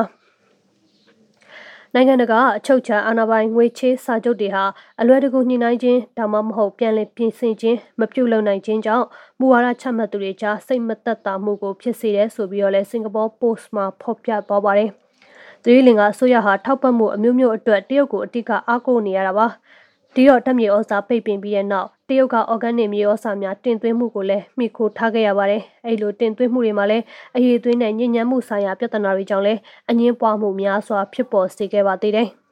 တောင်တရုတ်ပင်လယ်မှာတရုတ်ရဲ့ပိုင်နက်နယ်မြေကျညာနေမှုကိုအမေရိကန်ရှေ့တပ်မှစောင့်ကြည့်နေတဲ့ဆိုတဲ့သတင်းကိုဆက်လက်နားဆင်ရမှာပါ။တောင်တရုတ်ပင်လယ်မှာရှိတဲ့ကျွန်းစုများရဲ့အချုပ်ချာအာဏာပိုင်ဆိုင်ကြောင်းတရုတ်ရဲ့တောင်းဆိုမှုကိုအမေရိကန်ရှေ့တပ်မှအဝေးဒုံးချီဖြတ်သင်္ဘောကဇန်နဝါရီ20ရက်မှာတည်ရှိစေခြင်းနဲ့စိန်ခေါ်ခဲ့ပါတယ်။လွတ်လပ်စွာရေကြောင်းတော်လာခွင့်အခွင့်အရေးအတွက် နိုင်ငံတကာဥပဒေအရအတိမတ်ပြုထားတဲ့နိုင်ငံတနိုင်ငံရဲ့ကမ်းရိုးတန်းမှရေမိုင်12မိုင်အကွာပိုင်နယ်အတွင်းသွာလာခြင်းပါဝင်နေဆိုပြီး CNN ကဖော်ပြခဲ့ပါတယ်။ဒီပြင်တောင်တရုတ်ပင်လယ်မှာတရုတ်ရဲ့တောင်းဆိုမှုတွေဟာနိုင်ငံတကာဥပဒေကိုချိုးဖောက်ပြီးပင်လယ်ပြင်ဆိုင်ရာလွတ်လပ်ခွင့်ကိုဆိုးရွားစွာချိန်ချောက်နေကြောင်းလည်းအမေရိကန်ရှေ့တပ်ရဲ့ထုတ်ပြန်ချက်မှာဖော်ပြထားပါတယ် နိုင်ငံတကာရဲ့ဥပဒေဟာတရုတ်လိုမျိုးတိုက်နိုင်ငံကြီးတွေကိုပြန့်ကျဲနေတဲ့ကျွန်းစုပတ်ဝန်းကျင်တစ်ခုလုံးမှာအခြေခံမြင့်သတ်မှတ်ဖို့ခွင့်မပြုပါဘူးဆိုပြီးအမေရိကန်ရဲ့ထုတ်ပြန်ချက်မှာဖော်ပြသွားပါတယ်။ဒီအခြေခံမြင့်တွေကတရုတ်ဟာနိုင်ငံတကာဥပဒေအရရပိုင်ခွင့်များထက်ပြည်တွင်းရှေပိုင်နဲ့ပိုင်နဲ့ပင်လဲတိသက်စီးပွားရေးစုံနဲ့ကမ်းဥရှေတိမ်ပိုင်းတို့ကိုပို့ပြီးတော့တောင်းဆိုရန်ကြိုးပမ်းခဲ့တယ်ဆိုပြီးလည်းအဲ့ထုတ်ပြန်ချက်မှာဆိုထားပါတယ်။ တရုတ်ကတောင်တရုတ်ပင်လယ်ရဲ့စတူရန်မိုင်1.3တန်းနီးပါးကိုသူတို့ရဲ့ချုပ်ချပိုင်နယ်မြေအဖြစ်ပိုင်ဆိုင်ကြောင်းတောင်းဆိုနေရဆိုပြီးလဲ CNN သတင်းဌာနကဖော်ပြသွားပါတယ်။အမေရိကန်တပ်ဖွဲ့တွေကတောင်တရုတ်ပင်လယ်မှာရာစုနှစ်တစ်ခုကျော်ကြာနေစဉ်ပုံမှန်လှုပ်ဆောင်နေပါတယ်ဆိုပြီးအမေရိကန်ရေတပ်ရဲ့ထုတ်ပြန်ချက်မှာဖော်ပြသွားပါတယ်။ ပါရာဆယ်ကျွန်းတွေဟာတောင်တရုတ်ပင်လယ်အနောက်မြောက်ပိုင်းမှာရှိတဲ့တန်နာကျွန်းငယ်တွေနဲ့တန်နာကြောက်တန်130ပတ်ဝန်းတဲ့အစုဝေးတစ်ခုပါအဲ့ဒီကျွန်းစုတွေကိုဗီယက်နမ်နဲ့ကိုယ်ပိုင်အုပ်ချုပ်နေထိုင်တဲ့ထိုင်ဝမ်တို့ကတောင်းဆိုနေပေမဲ့တရုတ်ထိန်းချုပ်ထားတာကတော့နှစ်ပေါင်း46နှစ်ကျော်ကြာသွားပါပြီဒီနောက်ဆုံးအနေနဲ့နားဆင်ရမှာကတော့တရုတ်ပြည်မကြီးမှာမွေးဖွားပြီးဟောင်ကောင်မှနေထိုင်ခွင့်လာရောက်ရှောက်ထားတဲ့သူတွေကိုထိုင်ဝမ်ကညှင်းပယ်ထားတဲ့တဲ့တင်ပဲဖြစ်ပါတယ်။ဟောင်ကောင်မှာသဘောထားကွဲလွဲ ဟောင်ကောင်မှာသဘောထားကွဲလွဲသူတွေနဲ့နိုင်ငံရေးအတိုက်ခံများကိုဖိနှိပ်ရန်တွန်းအားပေးတဲ့ပြင်းထန်သောအမျိုးသားလုံခြုံရေးဥပဒေကို2020ပြည့်နှစ်ဇွန်လလမှာတရုတ်ကွန်မြူနစ်ပါတီ CCP ကပြဋ္ဌာန်းခဲ့ပြီးတဲ့နောက်ဟောင်ကောင်မှာနေထိုင်သူထောင်ပေါင်းများစွာဟာဒီမိုကရေစီနှိကျအုပ်ချုပ်တဲ့ထိုင်ဝမ်ကျွန်းကိုပြောင်းရွှေ့နေထိုင်ကြပါတော့တယ်။ အဲ့ဒီလုပ်ငန်းစဉ်ဟာကန့်သက်ချက်တွေရှိနေပြီးမကြသေးမီနှစ်တည်းအတွင်းထိုင်ဝမ်ကိုသိမ်းပိုက်ဖို့အကြိမ်ကြိမ်ချင်းချောက်နေတဲ့တရုတ်နိုင်ငံမှာမွေးဖွားတဲ့သူတွေဟာလူများစုထက်နေထိုင်ခွင့်ရရန်ပုံမခက်ခဲကြောင်းမကြသေးခင်ကရွှေ့ပြောင်းနေထိုင်သူများစွာကပြောခဲ့ပါတယ်ထိုင်ဝမ်ကိုပြောင်းရွှေ့လိုတဲ့ဟောင်ကောင်မှာရှောက်ထားသူ40ကျော်ဟာမွေးဖွားတဲ့နေရာနဲ့ထိုင်ဝမ်လူဝင်မှုကြီးကြပ်ရေးဗျူရိုကရေစီကရှင်းလင်းသောဆက်သွယ်မှုမရှိခြင်းကြောင့်အခက်အခဲများနဲ့ရင်ဆိုင်နေရကြောင်းမကြသေးမီက AFA ကစုံစမ်းစစ်ဆေးသိရှိရပါတယ်။ CCB ရဲ့အုပ်ချုပ်မှုလက်အောက်တရုတ်နိုင်ငံမှာမွေးဖွားလာခြင်းဟာသူတို့ရွေးချယ်တဲ့အရာမဟုတ်ကြောင်းသူတို့အနေနဲ့အာဏာပိုင်တွေကိုစန့်ကျင်ပြီးစုပူအောင်ကြွမှုအဖျက်အမှောက်နဲ့နိုင်ငံခြားအင်အားကြီးနိုင်ငံတွေကိုပူးပေါင်းခဲ့မှုတို့သောရာဇဝတ်မှုတွေကိုဟောင်ကောင်ဒေသခံသားတွေကဲ့သို့ပြုလုပ်ရင်အကာအကွယ်ပေးမှာမဟုတ်ကြောင်းလည်းအချို့ကစောတကတက်နေပါတယ်။ ဟောင်ကောင်နဲ့မကာအိုမှာနေထိုင်တဲ့သူတွေနဲ့အတူတရုတ်နိုင်ငံမှာမွေးဖွားတဲ့သူတွေကိုရှောက်ထားခွင့်ပြုရန်ထိုင်ဝမ်ဟာလူဝင်မှုကြီးကြပ်ရေးစည်းမျဉ်းတွေကို2020ပြည်နှစ်မှာတရားဝင်ပြင်ဆင်ခဲ့ပေမဲ့အများစုကတော့ပယ်ချခံနေရဆဲပါ။ လီဆိုပြီးအမည်ရတဲ့ရှောက်ထားသူတဦးကတော့သူနဲ့သူ့ရဲ့ဇနီးဖြစ်သူတို့ဟာအွန်လိုင်းလက်လီရောင်းချတဲ့ဆိုင်ကိုဖွင့်လှစ်ဖို့2019ခုနှစ်ကထိုင်ဝမ်မှာရှင်းနှမြုပ်နှံတဲ့အတွက်ရှောက်ထားခဲ့ပေမဲ့လည်း2021ခုနှစ်အောက်တိုဘာလမှာနေထိုင်ခွင့်ပြုချက်ကိုညှင်းပယ်ခြင်းခံခဲ့ရတယ်လို့ဆိုသွားပါတယ်။ဒီညှင်းပယ်ရတဲ့အကြောင်းရင်းတစ်ခုကတော့လီဟာမွေးရမြေဖြစ်တဲ့တရုတ်ပြည်မကြီးဖြစ်နေလို့ပါဆိုပြီးတော့ကိုကဖော်ပြခြင်းကိုလည်းခံခဲ့ရပါတယ်။ CCP ထောက်လှမ်းရေးတွေဟာရင်းနှီးမြှုပ်နှံသူအမည်ခံပြီးထိုင်ဝမ်ကိုစိတ်ဝင်ရောက်လာမှာကိုအာဏာပိုင်တွေကစိုးရိမ်နေရပါဒါတွေကိုဘေးဖယ်ထားပြီးတော့တရုတ်နိုင်ငံမှာနေထိုင်တဲ့နှစ်30အတွင်း CCP ရဲ့ညှဉ်းပန်းနှိပ်စက်မှုတွေကိုခံခဲ့ရတယ်ဆိုပြီးတော့လည်းလီကပြောကြားသွားတာပါကျမတို့ရဲ့မြစီမရေဒီယိုကိုနေ့စဉ်ညနေ6နာရီခွဲမှ9နာရီခွဲအထိတိုင်းတူမီတာ16မီတာစက္ကန့်တက်သမခွန်3 MHz ကနေပြီးဖမ်းယူနိုင်နိုင်ပါပြီ။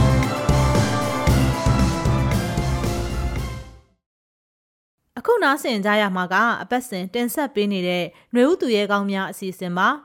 အခုတစ်ပတ်ຫນွေဥသူရဲကောင်းများအစီအစဉ်မှာ PDF ကလေးတပ်သားတဦးဖြစ်တဲ့အပြင်စီရီယန်ကျောင်းဆရာမလည်းဖြစ်တဲ့မက်ခိုင်သဇင်ဖွေးရဲ့အကြောင်းကိုတင်ဆက်ပေးသွားမှာပါ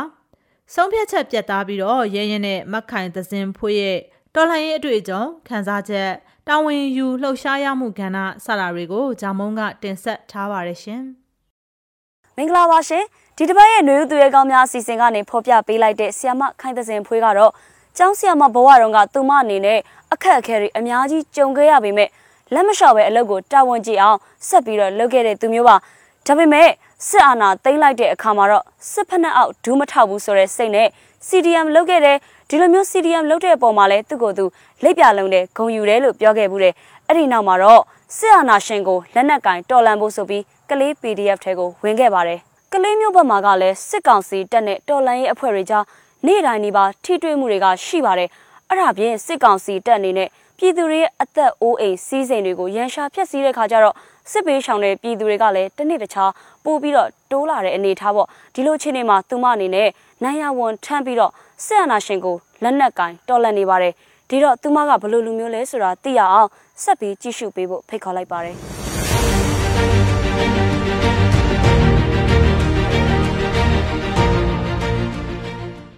မင်္ဂလာပါရှင်အဲညီမနာမည်ကတော့ခိုင်နေစင်ဖွေးပါညီမအခုလက်ရှိရတော့ကလေး PDF တက်ရင်နှစ်ကတသားတယောက်ပေါ့နော်အဲညီမအရင်တုန်းကတော့အကြောင်းဆရာမတယောက်ပေါ့အဲပထမတာဝန်စကြတဲ့ဟာကြတော့ညီမစကိုင်းတိုင်းဝင်းတုံမြို့နယ်ကအကြောင်းမှာအာတာဝန်ကြတာပေါ့နော်အဲ့ဒီကနေပြောင်းရွှေ့လာပြီးတော့အခုကလေးမြို့နယ်က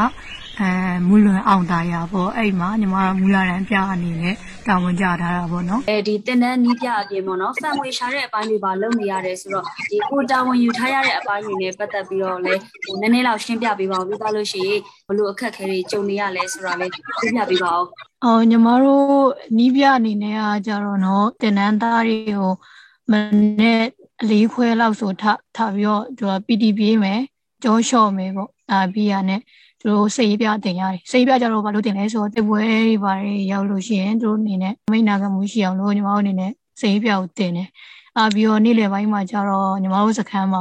အဲလောက်ဆရာရှိရလေးပေါ့ဥပမာထင်းရှာတာတို့ဘာတို့အဲ့လိုမျိုးလေးအလုပ်လေးခိုင်းတယ်ညနေပိုင်းကကြတော့လက်ချာပိုင်းနေပေါ့လက်ချာကြတော့ဘယ်လိုစီကန်းချက်တွေလက်နဲ့စီကန်းတို့သူကအိတ်ဆောင်စီကန်းတို့တင်တန်းခွင်းစီကန်းတို့ဘာတို့အဲ့လိုလေးတင်ပေးရပါတော့ အာဖန်ရှာတဲ့ပိုင်းကကြတော့ညီမတရန်တွက်လိုအပ်တဲ့အားတွေကိုညီမဆိုရှယ်မီဒီယာမှာတင်ပြီးတော့မှအလူခံတယ်ပေါ့ချိုးအလူရှင်တွေကညီမတို့လှူဖို့ပေါ့နော်အရင်ညီမတို့ပြောပြလို့မရတဲ့အထောက်ထားမျိုးတွေပေါ့ဥပမာစခန်းမှာလူအင်အားဘယ်လောက်ရှိလဲပေါ့လက်နဲ့အင်အားဘယ်လောက်ရှိလဲပေါ့အဲ့လိုမျိုးညီမတို့ဖြေရခဲ့တဲ့မိကွန်းတွေအဲ့လိုမျိုးလေးမေးတတ်ကြတယ်အဲ့လိုမျိုးလေး ညီမဘက်ကမဖြေနိုင်တာလေးပါလေးရှိလို့ရှိရင်တို့ကမယုံကြည်ရလေးအဲ့လိုမျိုးလေးရှိတတ်တယ်ရှင်အဲ့ဒါတော့ဖန်ငွေရှာတဲ့အနေနဲ့ခက်ခဲပေါ့နော်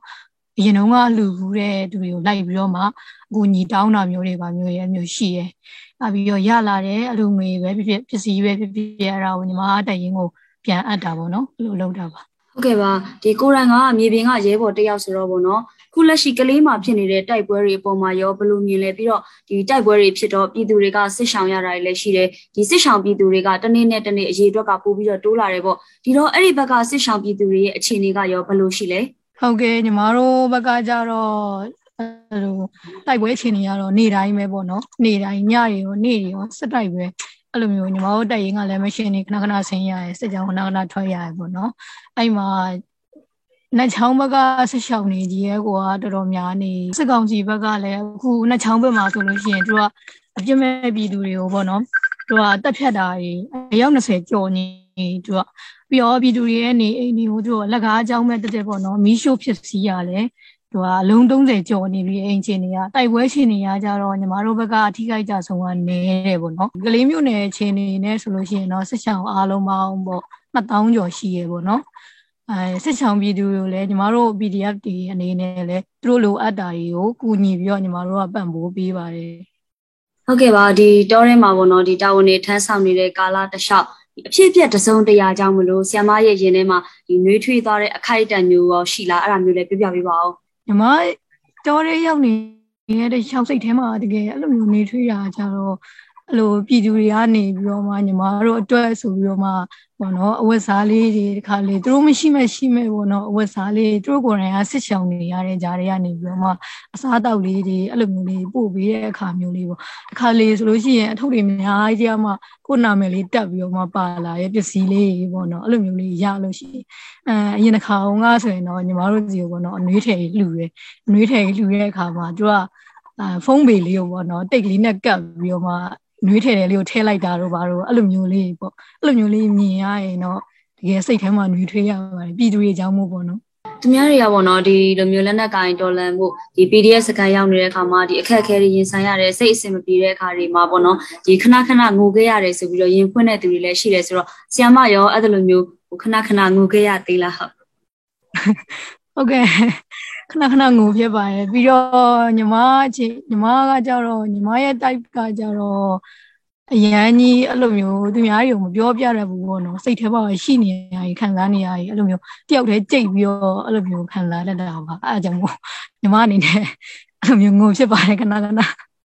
ဟုတ်ကဲ့ပါပြီးတော့ကျမသိထားသလောက်ပေါ့ဆီယမက2018ကနေဒီအာနာမသိန်းက2021အထိဆီယမအလုပ်ကိုလုပ်ခဲ့တယ်ဆိုပြီးတော့သိရတယ်ပေါ့ဒီတော့ဆီယမအလုပ်ကဒီဘဝအတွက်ဘယ်လောက်တောင်မှအရေးပါလဲပြီးတော့ဒီအလုပ်နဲ့ပတ်သက်ပြီးတော့အမှတ်တရရှိရင်လည်းပြောပြပေးပါဦးအာညီမကကျတော့2018အကုန်ခါနီးလောက်ပေါ့နော်အဲ့လောက်ချိန်မှာလုပ်ငန်းခွင်တွေရောက်လာတယ်အဲကိုဗစ်တွေစပြီးတော့ဖြစ်တဲ့အချိန်ကြီးဆိုတော့ညီမရဲ့ လောက်တက်ကအခုဆိုရင်3နှစ်ကျော်နေပြီမဲ့စာတင်ရတဲ့နှစ်ကျတော့2နှစ်ပဲရှိခဲ့တာပေါ့နော်အကြောင်းချာမှာလောက်တာဝါသနာပါလို့လုပ်ခဲ့ရတော့မဟုတ်ဘူးပေါ့နော်အဲ့ဒီကျောင်းဆရာမအလုံးနဲ့ပတ်သက်ပြီးတော့ရောဒီပြောခဲ့ရတာဝမ်းနေခဲ့ရတာမျိုးဟိုမှတ်မှတ်ရရရောရှိလား ဝမ်းနေခဲ့ရတော့ညီမတောင်ဝန်စကြတဲ့အချိန်ပေါ့နော်အဲညီမတောင်ဝန်စကြတဲ့အချိန်ကအသက်က16နှစ်ပြည့်ပြီးခါသာပဲရှိသေးတာအဲဆိုညီမကျတော့ဆယ်တန်းအောင်ပြီးကလေးကဟိုပညာရေးကောလိပ်တက်ခဲ့ရဆိုပညာရေးကောလိပ်နှစ်နှစ်ပြီးတော့ညီမတို့တောင်ဝင်တစ်ခါရဲတန်းချပြီးရလေတောင်ဝင်တစ်ခါတန်းချပြီးတဲ့အချိန်ကျတော့လူကလည်း16နှစ်ကျော်လေးပဲရှိသေးတော့အရန်ငယ်သေးရဲ့ပေါ့အဲ့ချိန်မှာသူကအဝေးကြီးပို့လိုက်တာညီမကလေးမျိုးနယ်တွေကဟိုမှာသူတို့ပို့လိုက်တာက စကိုင်းတိုင်းရဲ့အထက်ပိုင်းပေါ့နော်ဝင်းတုံဝင်းတုံမြို့နယ်တွေကိုပို့လိုက်တာအဲ့ဝင်းတုံမြို့နယ်ရဲ့အောက်မှာသူကတောင်နေအများကြီးရှိရဲ့ပဲပေါ့တကယ်ကိုတော်ကြီးပေါ့နော်အဲ့တောင်ဝင်ကြတဲ့ရွာကိုရောက်ဖို့ကိုမှတောင်၅လုံး၆လုံးလောက်ကြော်ရသေးတယ်အဲ့လိုမျိုးချင်းနေပေါ့အဲ့လိုမျိုးရောက်သွားတဲ့အချိန်ကျတော့ညီမကစစချင်းတော့စိတ်တကြပေါ့အဲ့မှာအမေနဲ့အတော်နဲ့ညီမကိုလိုက်ပို့တာပေါ့လိုက်ပို့တဲ့အချိန်ကျတော့သူတို့ကလည်းအရန်နှမျောတယ်နှမျောတဲ့ခါကျတော့ဆရာမမလုံနေတော့ပေါ့ဒီတိုင်းပဲ လိုက်ခဲလိုက်တော့ပေါ့အဲ့လိုမျိုးသူတို့အဲညီမအနေနဲ့အဲ့လိုပေါ့နော်ရရောက်ချင်းတော့ကတော့ညီမစိတ်တမကြသေးဘူးပေါ့နော်စစချင်းကိုစားလုပ်တဲ့အလုပ်ဆိုတော့ပေါ့နော်ဘယ်လိုပြောမလဲတက်ကြွနေရပေါ့ကိုစားလုပ်ရမယ့်အချိန်ဆိုတော့ဒါပေမဲ့ရောက်ပြီးနှစ်လလောက်လဲကြာရောသူကရှိနေနေတဲ့ဆရာမလေးတယောက်ကကြတော့မိဖခွင့်ယူသွားပါတော့မိဖခွင့်ယူသွားတဲ့အချိန်ကျတော့ညီမတို့ကျောင်းကအမကမရသေးဘူးပေါ့နော်အမကကျောင်းမဟုတ်ဘူးပေါ့မှာခွဲဆိုတော့သူကကျောင်းအုပ်မရှိဘူး ကျောင်းအုပ်မရှိတဲ့အခါကျတော့သူကလည်းမိဖွားဝင်ယူသွားတဲ့အချိန်ကျတော့အာညီမတယောက်လေးကြံခဲ့ပေါ့ဒီကြောင်လုံးမှာဆရာမညီမတယောက်ပဲကြံခဲ့အဲဆိုညီမကနေပြီးတော့မှကျောင်းအုပ်လည်းလှုပ်လိုက်စာအဲဆရာမလည်းလှုပ်လိုက်စာတင်လိုက်ပေါ့သူကယုံလည်းပြည့်တက်လိုက်စာတင်လိုက်အဲ့လိုမျိုးအခြေအနေအဲ့လောက်ထိဖြစ်ခဲ့ရပါတော့နောက်ပိုင်းနေကြတော့အဲ့လိုကျွမ်းလူကြီးနဲ့စကားပြောရတာတွေရုံးလူကြီးနဲ့စကားပြောရတာတွေပေါ့နော်ညီမအသက်ရွယ်ရလဲ အဲငယ်သေးတဲ့အခါကျတော့เนาะအဆင်မပြေရလေးအဲ့လိုမျိုးလေးရှိခဲ့ရပါဟုတ်ကဲ့ပါဒီစစ်အာဏာရှင်အုပ်ချုပ်မှုအောက်မှာအလုံးမလုံးချင်တဲ့ခါကျတော့ဒီ CDM လုပ်ခဲ့တယ်ဆိုပြီးတော့သိရတယ်ပေါ့ဒီတော့ CDM လုပ်လိုက်ပြီးတဲ့နောက်မှာရောဆရာမအနေနဲ့စိတ်ထဲမှာဘယ်လိုတွေခံစားရလဲစိတ်လက်ပေါ်ပါသွားလားဘယ်လိုလဲအဲညီမ CDM လုပ်တဲ့အပေါ်မှာတော့ညီမဘယ်လိုပြောမလဲလက်ပြလုံနေပေါ့နော်ညီမကညီမလည်းအကုန်ယူတယ်အဲအိမ်ကလည်းအရန်ကြီး ချမ်းသာနေတဲ့အထဲလည်းမပါဘူးပေါ့နော်ညီမတို့မိဘတွေကလည်းတောင်တူတောင်တူတွေပေါ့အဲ့ဆိုတော့ညီမရဲ့လစာကိုလည်းအိမ်ကိုပေးရတယ်ပေါ့အဲ့လိုမျိုးအဲ့လိုဖြစ်နေတဲ့အခြေအနေတောင်မှညီမ CDM လုပ်နိုင်တယ်လို့ဆိုပြီးတော့ညီမကိုညီမလက်ပြလုပ်နေကုန်ယူရပေါ့နော်ဟုတ်ကဲ့ပါဒီ CDM လုပ်ပြီးတော့ဟိုကိုချစ်ရတဲ့ကိုရဲ့မိသားစုတွေကိုလည်းထားခဲ့ပြီးတော့တောထဲမှာအခုလိုမျိုးလက်နက်ကင်တော်လန်ဖို့အထိဟိုထွက်လာတယ်ဆိုတော့ပေါ့နော်ဘယ်အရာကများဒီလောက်ထိတောင်မှဟိုတွန်းအားဖြစ်စေတာလဲဒီလိုမျိုးပြတ်သားလာဖို့ပေါ့ဟုတ် ဘယ်လိုတွေကြုံခဲ့ရလဲဆိုတာလည်းပြပြပေးပါဦးဟုတ် CDM လုပ်ပြီးတော့ပေါ့နော်ညီမတို့ဆန္ဒတွေပြရတယ်ပေါ့နော်ဆန္ဒတွေပြတဲ့အချိန်မှာအခု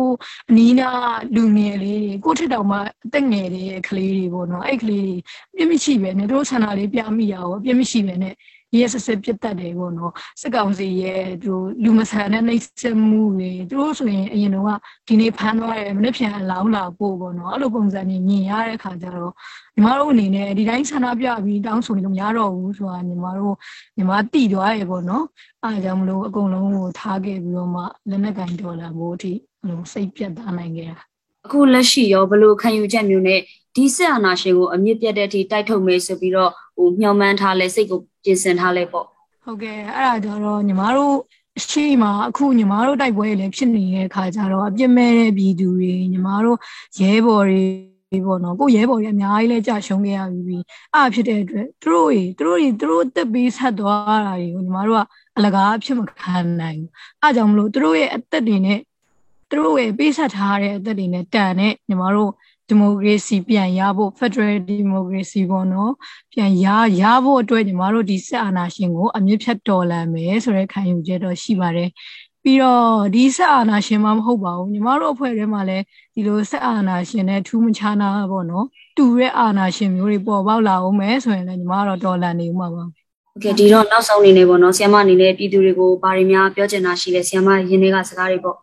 အာ ပြည်သူတွေကိုပြောချင်တာကတော့အခုချိန်ကတိုက်ပွဲတွေလည်းစတိုက်ဖြစ်လာနေပြီပေါ့နော်သူတို့ဘက်ကလည်းအရန်ကိုရက်စက်ကြမ်းကြုတ်ပြီးတော့မှအဲ့လိုလေချောင်းပစ်ကူတွေပါတုံးလာပြီဖြစ်တဲ့အတွက်ပြည်သူတွေအနေနဲ့ဂရုစိုက်ကြပါလို့အခုချိန်ကအေးတဲ့အချိန်လည်းဖြစ်တာဖြစ်တဲ့အတွက်လေအဲ့လိုမျိုးဒီဘက်ကဆက်ချောင်းနေဆိုလို့ရှိရင်တချို့ဆိုရင်ကိုဝင်တယ်တွေပါတယ်ပေါ့နော်ကိုဝင်တယ်တွေပါတော့တချို့ဒီဘက်ကနှချောင်းဆက်ချောင်းထဲမှာဆိုလို့ရှိရင်သူကကိုဝင်တယ်တယောက်ဆိုလို့ရှိရင်ကလေး ကိုပါဆုံးရှုံးရတာပေါ့နော်မမွေးနိုင်လို့အဲ့လိုမျိုးအဲ့လိုတွေပါဖြစ်တဲ့အတွက်ပြည်သူတွေအနေနဲ့လည်းအထူးဂရုစိုက်ကြပါလို့အဲ့လိုတိုက်ပွဲတွေပါတွေဖြစ်လာလို့ရှိလို့ရှိလို့ရှိရင်လည်းလေသူကတချို့ပြည်သူတွေကြတော့ရှိရပေါ့နော်အိမ်မှာပဲနေခဲ့မယ်လို့အဲ့လိုအိမ်ကိုစိတ်မချတာပေါ့နော်အင်္ဂါပစ္စည်းတွေကိုအဲ့လိုမျိုးအဲ့လိုမျိုးရှိတဲ့အတွက်ညီမတို့ကအဲ့လိုစိတ်ကတော့ရှောင်ရမှာပဲအိမ်မှာကနေရင်တော့ ပြတ်တက်ခံရပါလေအဲ့လိုဖြစ်တဲ့အတွက်အသက်လောက်ဘာမှအရေးမကြီးပါဘူးလို့ကျမကြီးလည်းဒီစိုက်ကြပါလို့အဲ့ဒါပြောချင်တာပါသူမကအိမ်နဲ့ဝေးနေပေမဲ့ခက်ခဲတဲ့အချိန်တိုင်းမှာဘေးကနေဖေးမပေးတဲ့ရဲဘော်တွေကြောင့်စိတ်သက်သာရာရခဲ့တယ်လို့ပြည်သူတွေရဲ့မြစ်တာတွေကြောင့်လည်းနှွေးထွေးခဲ့ရတယ်ဆိုပြီးတော့ပြောထားတယ်ကျမတို့မှာပြည်သူတွေပဲရှိတယ်ဆိုတဲ့စကားကတော့တကယ်အမှန်ပါပဲတော်လန်နေကြတဲ့ရဲဘော်တွေကအသက်တွေရှင်းထားရတဲ့လမ်းကိုရှောက်နေရပေမဲ့လည်းပြည်သူတွေရဲ့မြစ်တာတွေကြောင့်ပဲအခုချိန်ထိဆက်တောင်ခံတော်လန်နိုင်တာပါ ဒါကြောင့်ပြည်သူတွေအားလုံးကလည်းကိုတက်နိုင်တဲ့နီလန်းကနေအားစိုက်ပါဝင်ရင်းနဲ့ဆရာနာရှင်စနစ်အမြင့်ပြတ်တဲ့အထိအတူတူတိုက်ထုတ်သွားကြရအောင်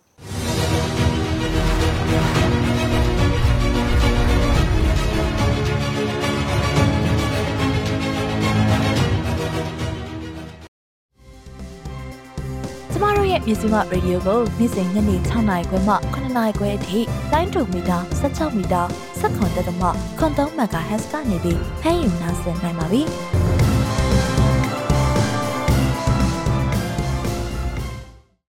အခုကတော့ BNI အစီအစဉ်တွေကိုတင်ဆက်ပေးမှာပါ BNI ဝိုင်းတော်သားတွေရဲ့တင်ဆက်မှုကိုနားဆင်ကြရအောင်ပါ။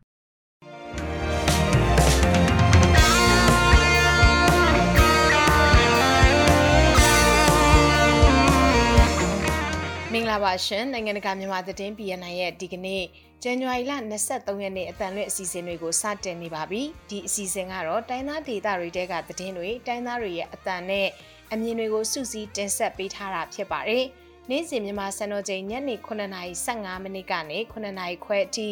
လိုင်းတူ16မီတာ19.3 MHz မှာဖမ်းယူနားထောင်နိုင်ပါတယ်ကျွန်မကအမီပါ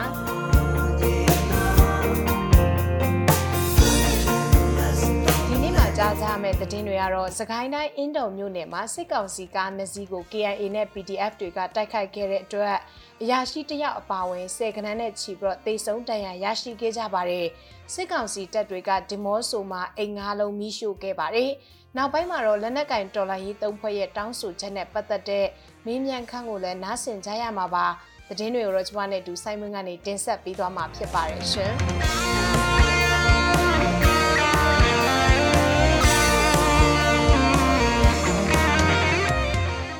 စကိုင်းတိုင်းအင်းတော်မြို့နယ်စီပိန်းရွာနဲ့နန်းစီအောင်ရွာဖက်တက်လာတဲ့စစ်ကောင်စီကားနှစ်စီးကိုကချင်လူလိုက်ရေးတပ်မတော် KIA နဲ့အင်းတော် PDF တို့ပူးပေါင်းပြီးတိုက်ခိုက်လို့စစ်ကောင်စီဘက်ကပိုကြီးတူအပါအဝင်စစ်တအူးတေဆုံးပြီးဆယ်ကနန်းအထိထိခိုက်တန်ရာရရှိတယ်လို့သိရပါတယ်။စနော်ရီလ22ရက်နေ့ညနေ6နာရီဝန်းကျင်ခန့်ကတိုက်ခိုက်ခံခဲ့ရတာပါစစ်ကောင်စီတပ်အင်အား40ခန့်မှစစ်ကားကိုမော်လူးနဲ့ပေကုန်းရွာကြားမှာ KIA နဲ့အင်းတော် PDF တို့ပူးပေါင်းပြီးမိုင်းဆွဲတိုက်ခိုက်တာတွေပစ်ခတ်တိုက်ခိုက်တာတွေလုပ်ခဲ့တယ်လို့ဆိုပါတယ်မိုင်းဆွဲတိုက်ခိုက်မှုမှာစစ်ကောင်စီရဲ့စစ်ကားနှစ်စီးထဲကတစ်စီးကကြောက်ထဲကျသွားပါတယ်နှစ်ဖက်အပြန်အလှန်ပစ်ခတ်ကြလို့အင်းတော် PDF ဘက်ကတအူထိခိုက်တန်ရန်ရရှိခဲ့တယ်လို့အင်းတော် PDF တာဝန်ရှိသူတို့ကပြောပါတယ်တာပြင်စနဝိုင်လ21ရက်နေ့ကလည်း နဘားရွာကနေပင်ဝဲရွာဘက်သွားတဲ့မြက်ထားလန်းအတိုင်းတက်လာတဲ့အင်အား30ခန့်ရှိစစ်ကောင်စီစစ်ကြောင်းကို KIA နဲ့ Indo PDF တို့ပူးပေါင်းပြီးတော့မှပင်ဝဲရွာအနီးမှာကြားဖက်တိုက်ခိုက်လို့စစ်ကောင်စီဘက်က3ဦးထက်မနည်းတေဆုံးသေးတယ်လို့လည်းဆိုပါတယ်လက်ရှိကချင်နဲ့စကိုင်းနဲ့စပက်မှာနေ့တိုင်းလိုလိုတိုက်ပွဲဖြစ်ပွားနေတဲ့အတွက် PDF ရှိတယ်လို့ယူဆခံနေရတဲ့ကြေးရွာတွေစစ်ကောင်စီဘက်ကလေကြောင်းနဲ့ပစ်ခတ်တိုက်ခိုက်တာတွေရက်ရွာမီးရှို့ဖျက်ဆီးတာတွေဆက်တိုက်ပြုလုပ်လာနေပါတယ် ခရီနီပြည်နယ်လွိုက်ကော်မြို့နယ်ဒီမော့ဆိုမြို့မှာထိုးစစ်ဆင်လာတဲ့စစ်ကောင်စီနဲ့တိုက်ပွဲဖြစ်ပွားခဲ့ပြီးစစ်ကောင်စီဘက်ကလွိုက်ကော်မြို့နယ်ကနေအိမ်တစ်လုံးဒီမော့ဆိုမြို့နယ်ထဲကနေအိမ်၅လုံးကိုမိရှို့ဖျက်ဆီးခဲ့တယ်လို့ပြည်သူ့ကာကွယ်ရေးတပ်ဒီမော့ဆို DMO PDF ကထုတ်ပြန်ထားပါတယ်ဇန်နဝါရီလ22ရက်နေ့တုန်းကဒီမော့ဆိုမြို့နယ်ဘက်ကိုထိုးစစ်ဆင်လာတဲ့စစ်ကောင်စီကိုပြည်သူ့ကာကွယ်ရေးတပ်ဒီမော့ဆို DMO PDF အလဲပိုင်းတိုင်းလွိုက်ကော် PDF KNDF KA တပ်တွေကပူးပေါင်းပြီးတော့တိုက်ခိုက်ခဲ့တယ်လို့သိရပါတယ်။လိုက်ကော်မြို့နယ်ဒေါခုအနောက်ဘက်ချမ်းမုံပြကန်နားမှာတော့9နာရီကြာတိုက်ပွဲဖြစ်ပွားခဲ့တာပါ။အလားတူဒီမော့ဆိုမြို့နယ်စံပြ6မိုင်ကျေးရွာအုပ်စုဟိုဖိတ်ရွာဘက်မှာလည်းစစ်ကောင်စီတပ်နဲ့၄နာရီကျော်ကြာတိုက်ပွဲဖြစ်ပွားခဲ့ပြီးစစ်ကောင်စီဘက်ကအကြအဆုံးများနိုင်တယ်လို့ DMO PDF ကထုတ်ပြန်ထားပါတယ် ကရင်ပြည်နယ်မြဝတီတောင်ပိုင်း၄ကီကော်ဒေတာမှာတိုက်ပွဲကြရကြောင်းအတက်ပေးကနေကင်းလို့ရာအိုးအိမ်စွန့်ခွာတင်းရှောင်နေရတဲ့ပြည်သူတွေစစ်ပေးစစ်တမ်းပြင်တခိုးတပြအန်တရတွေပါထမှန်ကြုံတွေ့နေရတယ်လို့ဒေတာခန်တွေကပြောပါတယ်2021ခုနှစ်ဒီဇင်ဘာ15ရက်နေ့ကစပြီးရက်ပေါင်း30ကျော်ကြာကာလအတွင်းစစ်ကောင်စီတပ်ရဲ့ကြီးကြောင်းလေကြောင်းတိုက်ခိုက်မှုကြောင့်မြောက်တီမြို့တောင်ဘက်ချမ်း၄ကီကော်ဝင်းကျင်ဒေတာရှိကြီးရွာပေါင်း10ရွာကျော်ကဒေတာခန်ပြည်သူ1000ခွဲထက်မနည်းနေအိမ်စွန့်ခွာပြီးဘေးလွရာစီကိုရှစ်ရှောင်နေကြရတာပါအခုရက်ပိုင်းမှာနှစ်ဖက်ထိတွေ့ပစ်ခတ်မှုတွေရှော့ကျလာလို့ရှစ်ရှောင်ပြည်သူတချို့ကသူတို့ရဲ့ရက်ရွာနေအိမ်ကိုပြန်လာတွေတွားရောက်ကြီးရှုတာတွေပြုလုပ်ရမှာ နေအိမ်အတွင်ပစ္စည်းဖောက်ထွင်းခိုးယူမှုအများပြားခံရတယ်လို့ထီးမယ်ဝါခီးရွာနဲ့ဒေတာခံပြည်သူတို့ကကရင်တည်င်းဌာန KIC ကိုပြောပါတယ်တပိမေထော်တလေးကျေးရွာဘက်မှာလည်းရှစ်ဆောင်ပြည်သူတွေရဲ့နေအိမ်ဖောက်ခံရတယ်လို့ကားနဲ့ဆိုင်ကယ်လည်းအများပြားခိုးခံရတယ်လို့ဒေတာခံတွေကပြောပါတယ် သတင်းတွေကိုတင်ဆက်ပေးနေတာဖြစ်ပါတယ်။နေ့စဉ်မြန်မာစံတော်ချိန်ညနေ9:15မိနစ်ကနေ9:00ခွဲအထိလိုင်းတူ16မီတာ19.3 MHz မှာဖမ်းယူနားထောင်နိုင်ပါတယ်။ကချင်ပြည်နယ်နဲ့စကိုင်းတိုင်းဒေသကြီးကြားကကတာမြို့မြောက်ဘက်ပိုင်းမှာရှိတဲ့ကျေးရွာတွေဘက်ကိုစစ်ကောင်စီဘက်ကဂျက်တိုက်လေယာဉ်နဲ့ဘုံကျဲတိုက်ခိုက်ခဲ့ပါတယ်။စကိုင်းတိုင်းဒေသကြီးကတာမြို့နယ် အန်နာအုပ်စုကျွန်းပင်ကျေးရွာအနောက်ဘက်မှာဇန်နဝါရီလ22ရက်နေ့မွန်းလွဲပိုင်း3နာရီအချိန်လောက်က15မိနစ်ကြာဘုံကျဲတိုက်ခိုက်ခဲ့တယ်လို့ဒေသခံတွေကပြောပါတယ်။ဒါအပြင်ဇန်နဝါရီလ22ရက်နေ့မွန်းလွဲ3နာရီကျော်တုန်းကလည်းကတာမြို့ပေါ်ကိုဂျက်တိုက်လေယာဉ်နှစီးပြန်ဝဲခဲ့တဲ့အတွက် မြို့ကိုစစ်ကောင်စီတပ်ကဘုံကျဲတိုက်ခိုက်မှာကိုစိုးရိမ်လို့ပြည်သူအများပြထိတ်လန့်ပြီးတော့ပြေးလွှားပုံအောင်နေခဲ့ကြရတယ်လို့လည်းဒေသခံတွေကပြောပါတယ်။ကတာမျိုးနယ်အတွင်းမှာဒီတစ်ခါနဲ့ဆိုစစ်ကောင်စီတပ်ကဂျက်တိုက်လေယာဉ်နဲ့တိုက်ခိုက်တာ၃ကြိမ်ရှိပြီလို့ဒေသခံတွေကပြောပါတယ်။ဇန်နဝါရီလ12ရက်နေ့မွန်းလွဲတနာရီအချိန်လောက်ကမိုးတာကြီးကျေးရွာမှာတစ်ကြိမ်ဇန်နဝါရီလ18ရက်နေ့မွန်းလွဲ2နာရီအချိန်လောက်က မှတ်တိုင်ကျေးရွာမှာတစ်ကြိမ်အခုတခါကျွန်းပင်ကျေးရွာဘက်ကိုတစ်ကြိမ်လာရောက်တိုက်ခိုက်ခဲ့တာဖြစ်ပါတယ်။စစ်ကောင်စီကလေကြောင်းကနေတိုက်ခိုက်မှုတွေကြောင့်မိုးတာကြီးကျေးရွာမှာကလေး2ယောက်လူကြီး3ယောက်မှတ်တိုင်ကျေးရွာကတော့လူကြီးတစ်ယောက်ကလေးတစ်ယောက်စုစုပေါင်း9ယောက်ထိခိုက်ဒဏ်ရာရရှိခဲ့တယ်လို့ဒေသခံတွေကပြောပါတယ်။စကိုင်းတိုင်းဝင်းတူကောလင်းပင်လယ်ဘူးကျွန်းလကနီမင်းကင်းရွှေဘိုရေဦးခင်ဦးတန့်ဆယ်ဒီပဲရင်ကလေးပလဲ ရင်းမမြို့နယ်တွေထဲမှာလူထုကာကွယ်ရေးတပ်တွေကစစ်ကောင်စီကိုတော်လှန်တိုက်ခိုက်ခဲ့တဲ့အတွက်စစ်ကောင်စီတပ်ဘက်ကအများအပြားသေဆုံးခဲ့တာကြောင့်အဲ့ဒီမြို့နယ်တွေတဲကိုစစ်ကောင်စီကလေကြောင်းကနေဘုံကျဲတိုက်ခိုက်လာတာဖြစ်ပါတယ်။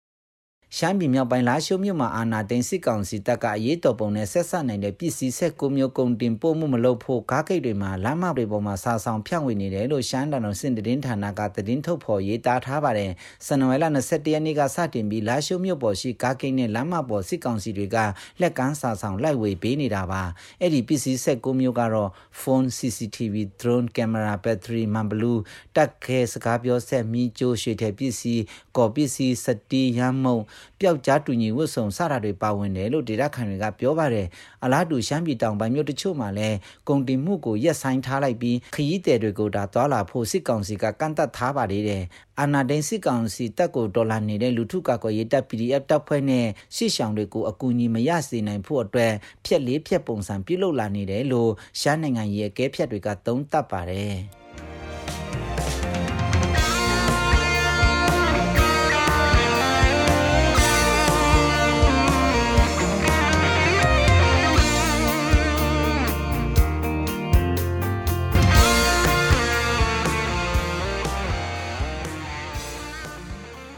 တော့သတင်းလွှာတွေကိုဆက်လက်တင်ဆက်ပေးသွားမှာပါ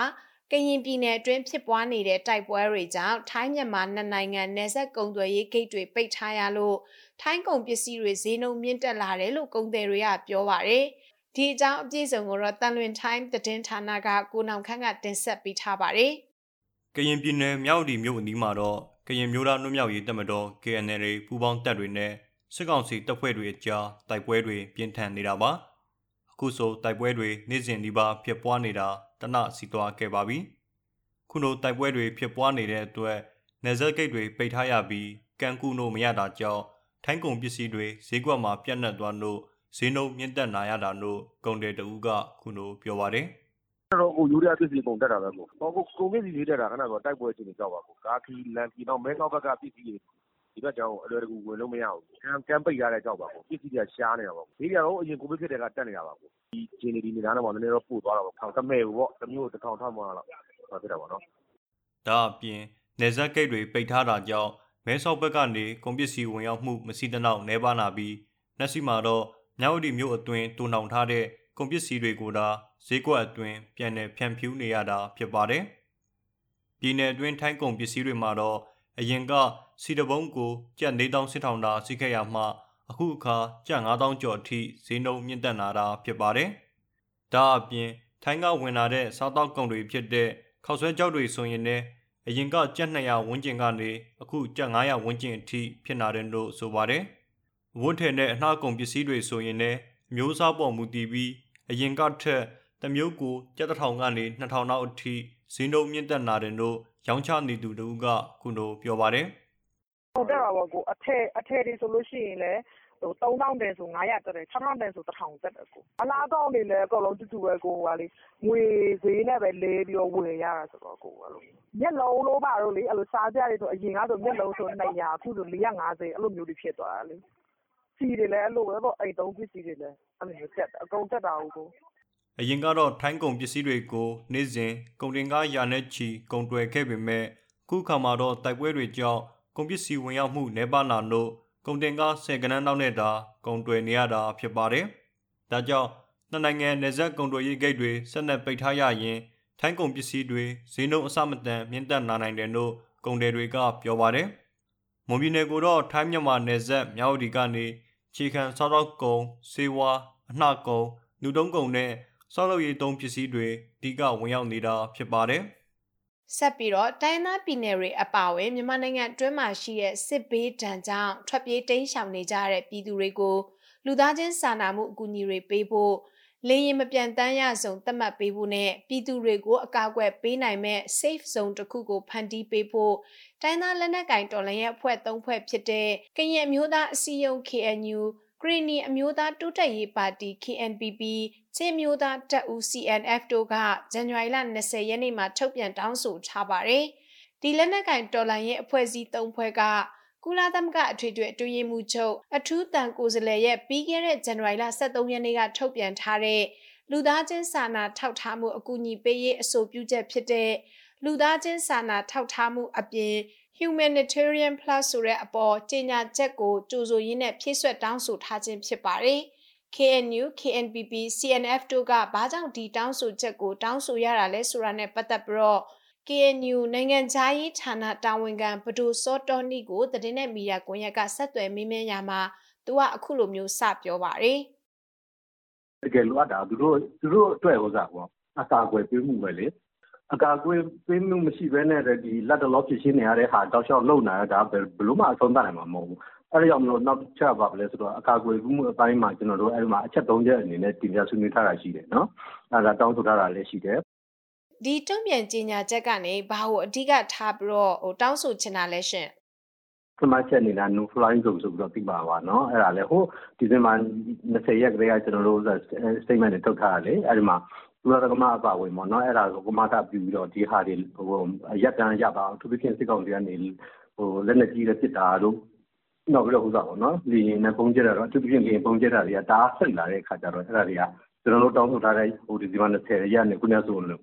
ဒါဟိုဒါတော်တော်လေးကိုမှန်ကန်တယ်လို့ပြောလို့ပြောလို့ရတာပေါ့ဘာလို့လဲဆိုရင်ကျွန်တော်တို့ပြောရဲဆိုတာလဟတာလျှောက်တော့ဟိုနော်အခြေအနေမရှိပြောတာမဟုတ်တကယ်ဖြစ်လာနိုင်တဲ့ဟာပြောတာဟိုခုလည်းတကယ်ဖြစ်နေပြီဖြစ်တော့နောက်ဆက်တွဲတွေအများကြီးဖြစ်လာတယ်နော် no fly ဆိုတဲ့ကိစ္စနဲ့ပတ်သက်ပြီးတော့အဲ့ဒါအထူးသဖြင့်လင်းလို့ပြန်လိုင်းရဘူးဆိုရင်ဒါ automatic ပေါ့နော်အလိုလျောက်ပဲဒါသူတို့အတွက်ဥစားအကောက်ပဲဖြစ်သွားပြီပေါ့နော် အချက်၃ချက်တောင်းဆိုထားတာဆိုတော့တခြားအချက်တွေရရောဘာတွေဖြစ်မလဲရှင်နောက်တစ်ခုကအဲ့ဒါပြီးတဲ့နောက်မှာသူတို့အကာအဲ့ဒါမျိုးဟိုဖြစ်ပြီးတဲ့နောက်မှာတခုကဘာလို့ရှိသေးလဲဆိုတော့စိတ်စုံဆိုတဲ့လုံခြုံစိတ်ချရတဲ့သူတို့နေရာထိုင်ခင်းနေလိုရတယ်အထူးသဖြင့်ဒီစစ်ကြောက်ထွက်ပြေးနေရတဲ့လူတွေနဲ့နောက်ပြီးတော့အထူးသဖြင့်တော့လုံခြုံစိတ်ချတဲ့နေရာဆိုတာကိုနော်အထူးသဖြင့်ဘုံကျဲတဲ့နေရာအခုအခုစစ်ကောင်စီတွေဘုံကျဲနေရာဆိုဘာမှမရှောင်တော့ဘူး ဥပမာဆေးရုံတို့ဆေးကန်းတို့နော်တော့ကျောင်းတို့နော်လူနေထိုင်တဲ့ရက်ွက်တွေဆိုဘာမှမရှောင်တော့အဲ့ဒါ तू ကလှုပ်ချင်လို့လှုပ်နေတဲ့ခါကျတော့အဲ့ဒါတွေကသူဒီလူတွေထွက်ပြီးပြီဆိုရင်သူတို့အတွက်လုံခြုံစိတ်ချတဲ့နေရာတခုလိုကိုလိုအပ်နေပါတယ်အဲဒါကြောင့်မို့ဒီဟိုဒီထိုင်းမှနယ်စပ်ဘက်မှာဆိုသူတို့ဖြစ်ကျွန်တော်တို့ဒီကကရင်ဘက်ချမ်းပေါ့နော်ဒီဒီမြန်မာနိုင်ငံဘက်ချမ်းပါမှာအဲဒီမှာစိတ်ချလုံခြုံတဲ့နေရာတခုလုံးဖန်ပြီးတန်ပြီးပေးသွားပြီဆိုရင်ဒီလူတွေအတွက်ဟိုအနေနဲ့ဖြစ်တဲ့အကောက်အကွယ်တခုကိုတော့ပေးနိုင်တယ်လို့ကျွန်တော်တို့ကြားတယ်လေ ဟုတ်ကဲ့ရှင်ဟိုနောက်ဆုံးအချက်ကရောရှင်နိုင်ငံပြဿနာကိုဖြေရှင်းနိုင်ဖို့အတွက်ဟာပထမဆုံးလူချင်းစာနာမှုကိုဖြေရှင်းမယ်နောက်ပြီးတော့နောက်တစ်ဆင့်ကနေပြီးတော့အဲ့ဒါဟိုတော့နော်ဒီအရင်ကန်ချတဲ့ပြဿနာကိုကျွန်တော်တို့ဆက်ပြီးတော့ဖြေရှင်းရမယ်ဆိုတာအဲဒီအားနေကျွန်တော်တို့ကသုံးရတဲ့တော်ရင်ထားတာရှိတယ်ဒီတော့ညာလည်းပဲဒီဟာကိုလှုပ်မယ်ဆိုတော့ကျွန်တော်တို့ကြီးဘယ်လိုမှမဖြစ်နိုင်ဘူးဟိုဒီချင်းနိုင်ငံတွေရောနိုင်ငံတကာကပါအကုန်လုံးဟိုကိုယ်ဆိုင်ရာဆိုင်ရာတာဝန်တွေအကုန်လုံးဥစားနော် တာဝန်ယူကြပြီးတော့လောက်ကြမှာပဲဒါတွေဖြစ်လာနိုင်မှာအကြောင်းဖြစ်တယ်အဲဒါကြောင့်မို့နိုင်ငံတကာအပါဝင်ပေါ့နော်အင်ဂျင်နိုင်ငံတွေကသူတဲ့ဆက်ဆိုင်တဲ့ကိစ္စတွေဟိုမဆိုင်လို့နေလို့မရတဲ့အနေထားမှာရောက်လာတဲ့အခါမှာကျတော့ကျွန်တော်တို့အားလုံးပြီးတော့လက်တွဲတော့လှုပ်ဆောင်မဲ့အပိုင်းတွေဖြစ်လာပါတယ်လို့နော်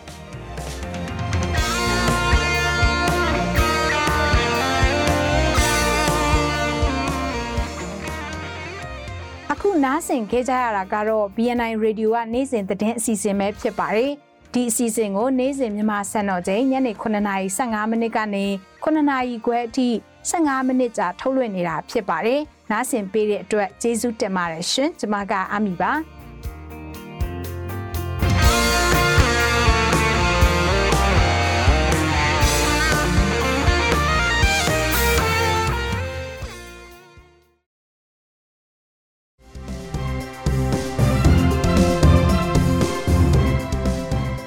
မြစီမရေဒီယိုရဲ့ဒီကနေ့ညရဲ့သတင်းတွေကတော့ဒီလောက်ပါပဲမြန်မာနိုင်ငံသူနိုင်ငံသားပေါင်းဆီယနာရှင်ဘေးကနေကင်းဝေးပြီးကိုစိတ်နှစ်ပါးကျန်းမာချမ်းသာပါစေလို့မြစီမရေဒီယိုအမေသားတွေကဆုတောင်းမြတ်တာပို့သလာရပါတယ်မြန်မာပြည်သူများနဲ့အတူရက်တည်နေမဲ့မြစီမရေဒီယိုပဲဖြစ်ပါတယ်နားဆင်ကြကြသူတွေအားလုံးကျန်းမာကြပါစေရှင်မင်္ဂလာရှိတဲ့ညချမ်းကိုပိုင်ဆိုင်နိုင်ကြပါစေရှင်